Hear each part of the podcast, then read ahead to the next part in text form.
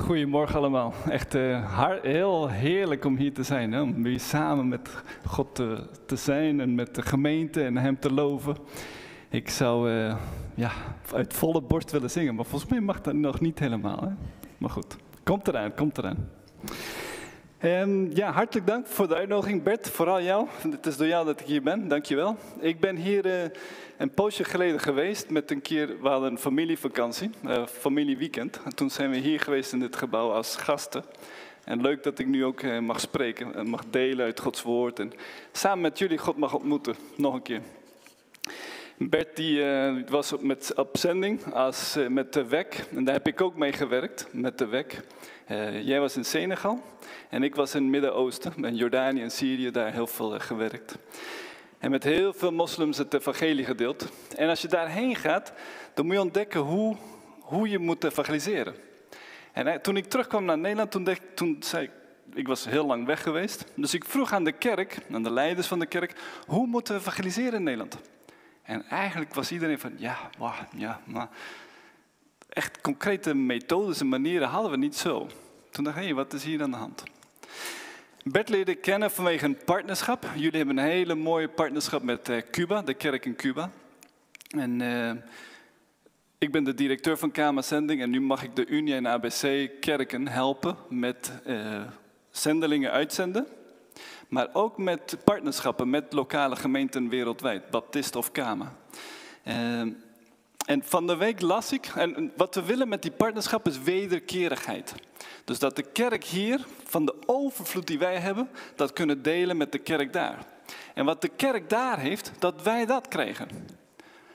En van de week las ik uh, Korinthe, 2 Korinthe 8. En toen moest ik daaraan denken. Er staat, je hoeft er niet op te slaan hoor, maar het is een mooi hoofdstuk over het geven van geld.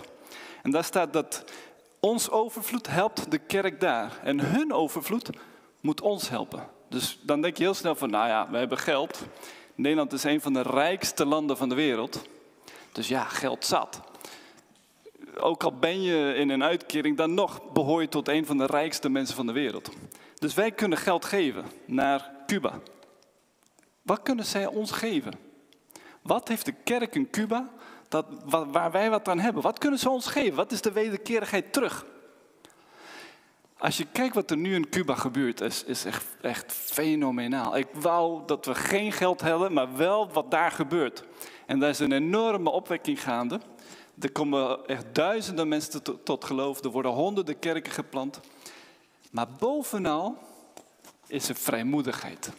Er is vrijmoedigheid om het evangelie te delen. De mensen zijn vrij om moedig te zijn en ze zijn moedig om vrij te zijn om het evangelie te delen. Om te getuigen van Jezus Christus.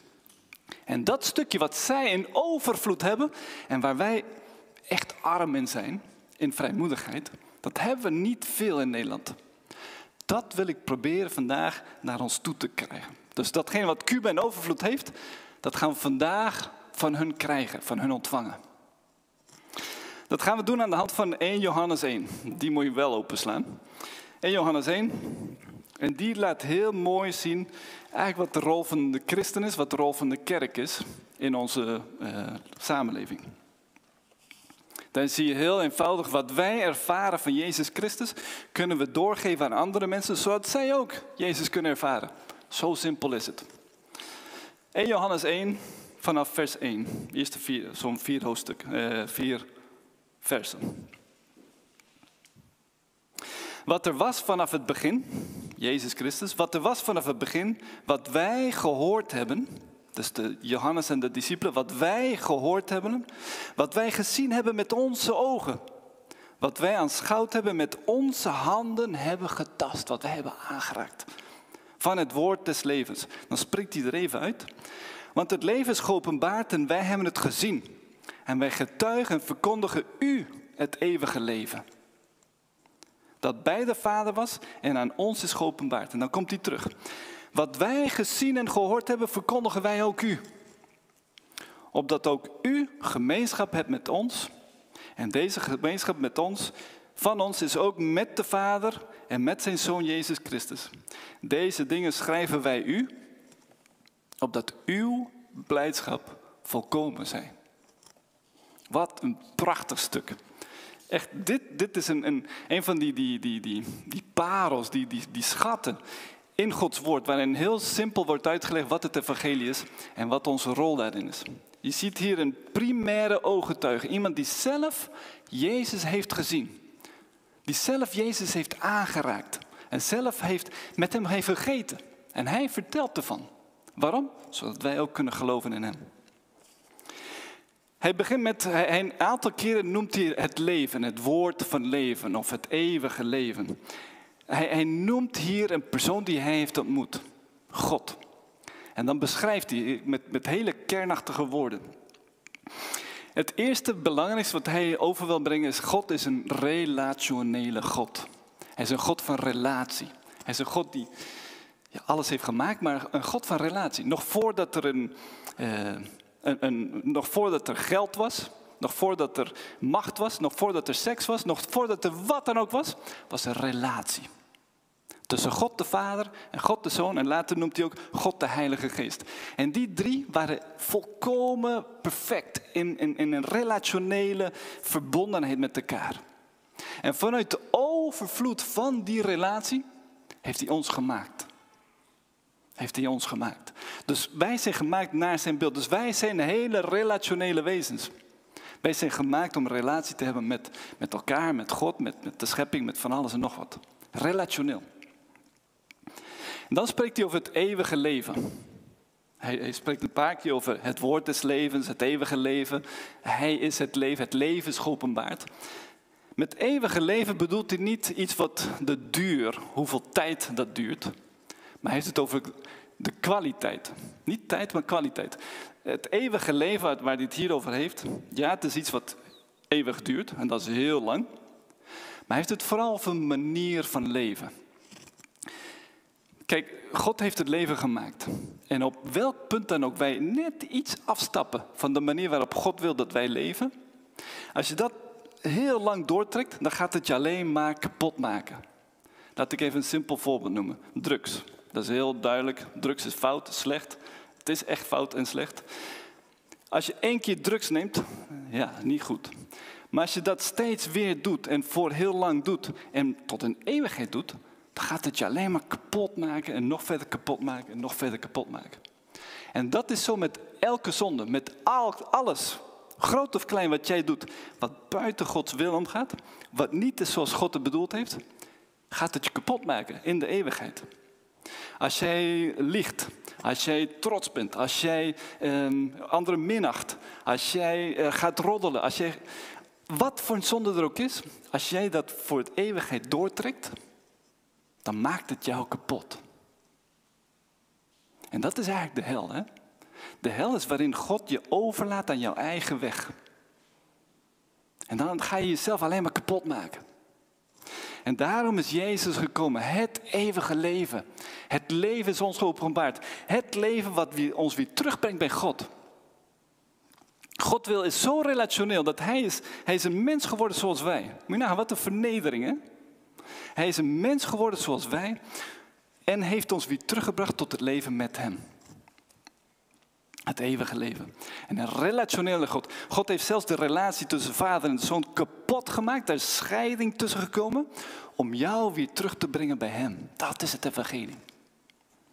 En Johannes, Johannes heeft Hem ontmoet. Moet je voorstellen wat hij daar schrijft. Hè? Jullie die nog in de schoolbanken zitten, jullie lezen over natuurkunde. Nou, al die wetten die daarin staan, die heeft God gemaakt. En die persoon die het gemaakt heeft, die loopt nu voor jou. Je leest misschien over DNA. Nou, degene die DNA geschapen heeft, die het bedacht heeft, die het gemaakt heeft, niet die het boek geschreven heeft, maar die het bedacht heeft. Die loopt nu voor jou. Diegene die jou gemaakt heeft, kan je aanraken. Die kan je zien, je kan met hem eten. Dat heeft Johannes meegemaakt. Hij heeft God ontmoet. In, in, in levende lijven. En daar gaat hij daarvan vertellen.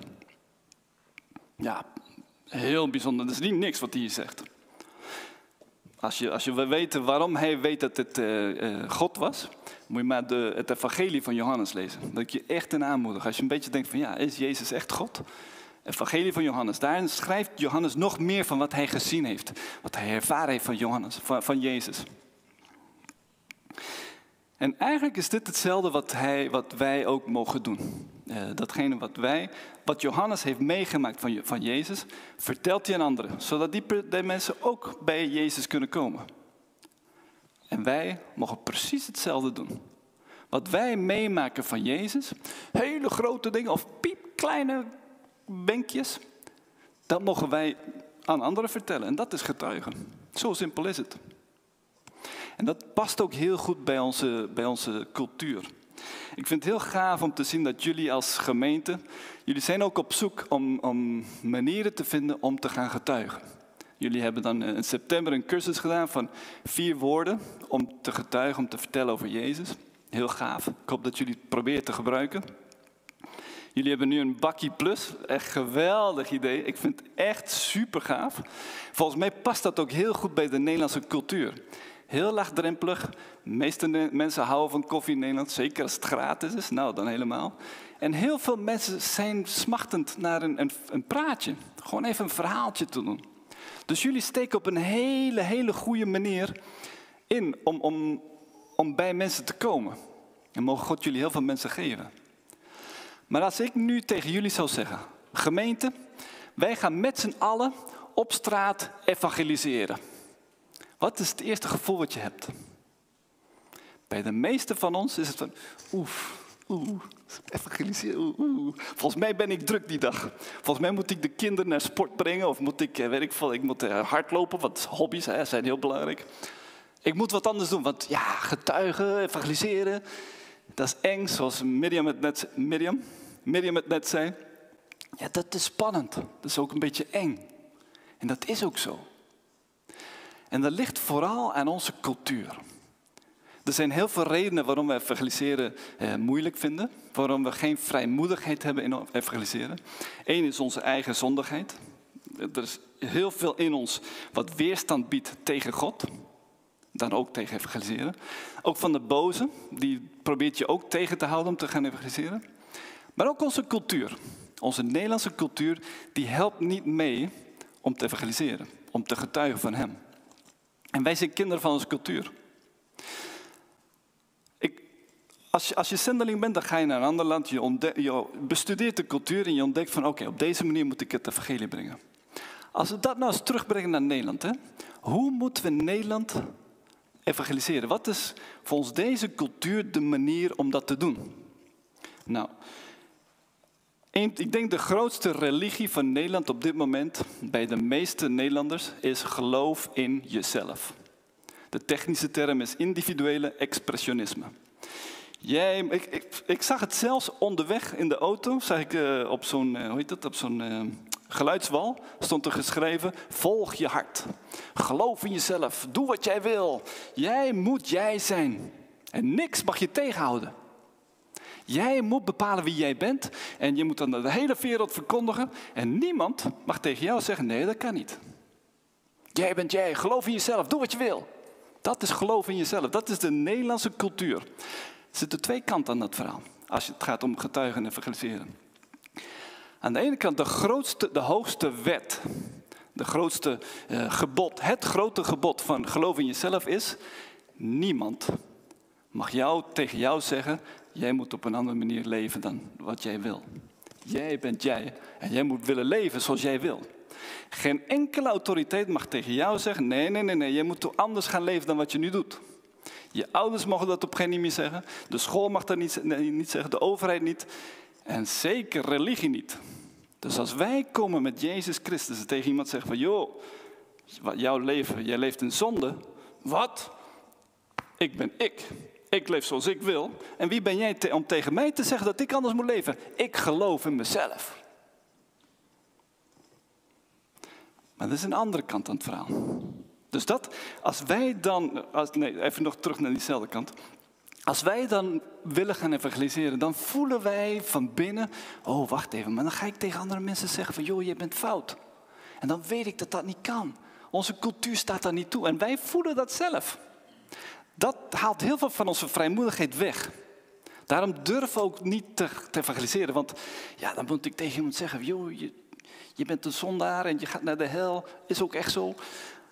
Je hebt Jezus nodig. Ja, dat, dat, dat is naar. Onze cultuur eh, die zegt tegen jou, nee, je, je breekt het grote gebod. Iedereen is vrij om te doen wat hij wil. Er is een andere kant aan het geloven in jezelf verhaal. De grootste gebod is je, niet, geen, je mag niet tegen iemand vertellen dat hij anders moet leven. De grootste waarde in geloof in jezelf cultuur waar we in leven, is je moet authentiek zijn. Jij moet jij zijn. En je moet daar vrij in zijn. Als jij paars draagt, dan moet je paars dragen. En je moet voluit paars dragen, want jij draagt paars. En niemand moet tegen jou zeggen dat je een andere kleur moet dragen. Ik draag paars, want ik draag paars. Wij dragen Jezus Christus. Mensen, hebben jullie door wat wij hebben?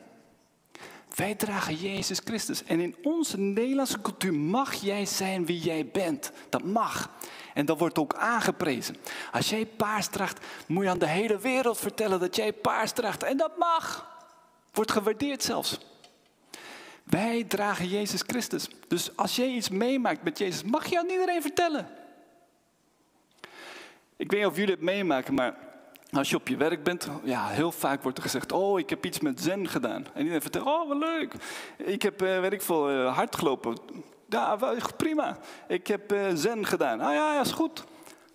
Dan mag je ook christen zijn. Ik heb dit meegemaakt met Jezus. Het is iets anders als je gaat zeggen: Joh, jij moet Jezus geloven. Dan stap je in de andere kant. Dat kan ook, maar dan moet je het net op een andere manier aanpakken. Misschien een andere keer, een andere preek vertel ik dat. Maar voor nu, om onze vrijmoedigheid aan te sporen, vertel gewoon wat jij met Jezus meemaakt. Dat mag echt. Dat is precies wat Johannes hier ook doet. En in onze cultuur is dat echt geaccepteerd. Alleen wij zijn zo schromend. Wij, onze vrijmoedigheid is zo ja, onderuit gehaald. En misschien kennen we onze cultuur ook niet zo goed meer. Om te weten dat dit wel kan. Ik heb, ik, eh, in, in, onze gemeente in Wageningen heb ik dit ook uh, aangekaart. En toen hebben we een paar maanden later gezegd: Oké, wie heeft getuigenissen? Wie heeft geprobeerd om dit toe te passen? Er een paar hele leuke verhalen naar boven. Twee mensen zijn tot geloof gekomen. Maar ik wil eentje vertellen van iemand die niet tot geloof is gekomen, maar wel de vrijmoedigheid had. Van mijn vrouw natuurlijk. Hè. was heel leuk. Zij, uh, zij geeft les aan een MBO, een MBO-school. En uh, er was iets met een van de studenten. Die deed iets wat niet, niet zo goed was. En mijn vrouw die moest een confronterend gesprek hebben met haar, met die docent, met die student. En bij de Helga en ik, wij zijn niet van het confronteren. Wij zijn daar heel, heel slecht in.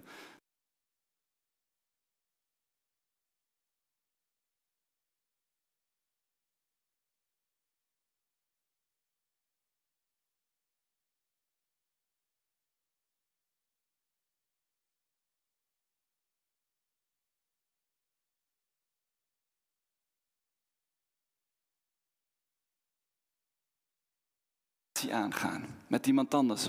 En hij deed het samen met Jezus en het viel goed uit. Datgene waar mijn vrouw over zat te worstelen, er komt een Bijbelverhaal die, die haar aanmoedigt en eigenlijk God door die Bijbelverhaal zegt, ga die confrontatie aan. Toen was het oké, ik moet het dus doen. Toen daarna, gelijk daarna las ze de, de Bijbeltekst van de dag. En toen was er iets van, uh, ik vermag alle dingen in hem die mij kracht geeft. Met andere woorden, twee dingen. Gebod, ga confronteren, ga die confrontatie aan. En het tweede is, Jezus is bij je. Nou, mijn, mijn vrouw die had heel veel moed van, oh, ik moet iets doen wat moeilijk is. Maar God vraagt het van me en hij is bij me. Ze is die confrontatie aangegaan, het is een heel mooi gesprek geweest. Wat heeft dit met getuigen te maken? Toen zij dat tegen mij vertelde, toen zei ik van, joh, ik probeerde haar uit te dagen. Je hebt nu iets met God meegemaakt, heel duidelijk. Aan wie zou je dit kunnen vertellen? Dat, dat is het punt van vandaag. Hè? We willen vrijmoedigheid om te vertellen wat wij met God meemaken. Toen zat ze te denken, ja, ja, spannend, spannend. Dus toen uh, ging ze haar werken en er kwam een opening, maar ze durfde op dat moment niet te doen. Niet te vertellen. Nou, die ging aan haar voorbij. Dat gebeurt heel vaak. Dat een opening komt, en die laten voorbij gaan. Dat gebeurt heel vaak. Dat is geen veroordeling, het gebeurt mij ook. Dat wij niet de durf hebben. Maar goed, toen sprak ik nog een keer met, met mijn vrouw en zei van, joh, Probeer het gewoon. Want in deze cultuur mag je christen zijn. Nou, er kwam een andere opening met uh, twee uh, docenten van haar. En ze vertelden van, joh, ik heb iets zoiets geweldigs meegemaakt. Ik moest een confrontatie aan en God die sprak tot mij en zegt, ga die confrontatie maar aan, ik ben bij je. En zo en zo is het gebeurd. Nou, die twee docenten, die gingen niet gelijk van, ah, oh, jullie christenen, jullie, jij wil mij bekeren en weet ik veel wat. Ze begonnen, oh, wat mooi dat jij dat mee hebt gemaakt. Wat gaaf voor jou. Geloof in jezelf. Jij gelooft in Jezus, wat goed voor jou. Je hebt iets meegemaakt, wat mooi. Daarna is een van die docenten naar haar toegekomen en die wilde meer weten van, joh, wat geloof je eigenlijk? Wat, vertel eens wat meer erover. Ze, ze is nog niet tot geloof gekomen. Maar Helga mocht Jezus delen. Dat is het enige wat God van ons vraagt. En in onze cultuur, ik herhaal het nog een keer en nog een keer. In de cultuur van geloof in jezelf mag jij paars dragen. En je mag aan de hele wereld vertellen dat jij paars draagt. Wij dragen Jezus Christus. En als jij iets met Jezus meemaakt, mag je dat vertellen. Mag je dat echt vertellen. Wees daar vrijmoedig in. Vrij om moedig te zijn en moedig om vrij te zijn. Maar ik kan je garanderen, op het moment dat die opening komt, die openingen zullen komen. We gaan ervoor bidden zo. En ik ken God. Hij gaat openingen geven aan een heleboel van jullie. En het eerste gevoel wat je zult hebben is van, oh, wacht even, durf ik dit wel? Want met geloof vraagt God altijd een stap. Altijd als God iets van ons vraagt, vraagt hij een stap van geloof. En mijn gebed is dat God jullie de vrijmoedigheid zal geven, de vrijheid om moedig te zijn, om die stap te nemen, om iets te vertellen over wat jij met God meemaakt. Ja, ik ga het afronden. Ik hoor een baby net huilen, dus ik denk van ja, het is tijd. Wij maken dingen met God mee. Hele grote dingen. Kan je bekering zijn. Kan een, een, een genezing zijn. Wie weet, misschien maken we dat mee. Misschien een heel klein dingetje. Een zonnestraal die op je ligt en dan denk je, oh wauw, God die omarmt me met zijn liefde. Of een bijbeltekst die je net aanmoedigt. Of een, of een broeder die je net een bemoediging geeft. Kleine dingetjes waarin je God daar doorheen ziet. Dat zijn de dingen die wij ervaren, die wij meemaken met God. En die dingetjes moet je onthouden. En die dingetjes moet je kijken, wanneer gaat God die opening geven? Want hij gaat het geven. Hij gaat meerdere van jullie openingen geven. Niet om te zeggen, oh jij bent een zondaar en je moet je bekeren. Nee, ik heb dit meegemaakt met Jezus. Wat gaaf hè? En moet je dan eens kijken wat er gaat gebeuren. Toen ik hier naartoe reed, was ik in gebed voor jullie en dacht van, volgens mij is deze preek anders dan andere keren waar ik andere, andere plekken preek. Ik ben hier niet om te entertainen. Ik denk echt dat God wil dat God jullie wil gebruiken. Dat God jullie wil gebruiken om mensen hier in Steenwijk en omgeving bij Hem te brengen. Ik denk dat echt. Ik zal bijna zeggen, ik geloof het. En een geloven is een zeker weten. Zullen we ervoor bidden?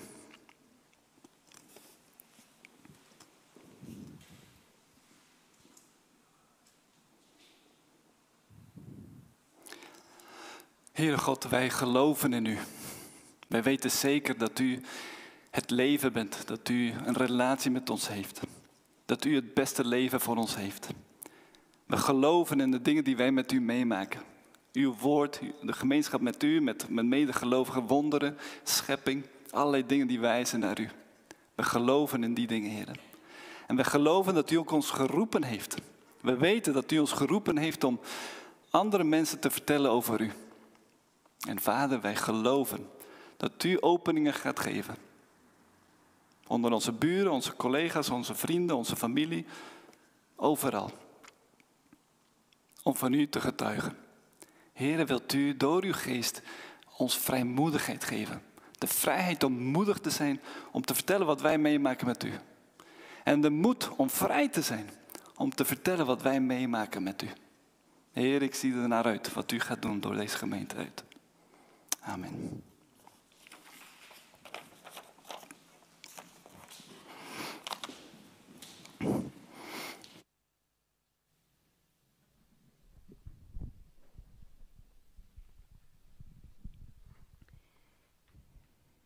Ja, Heer, we mogen tot U komen.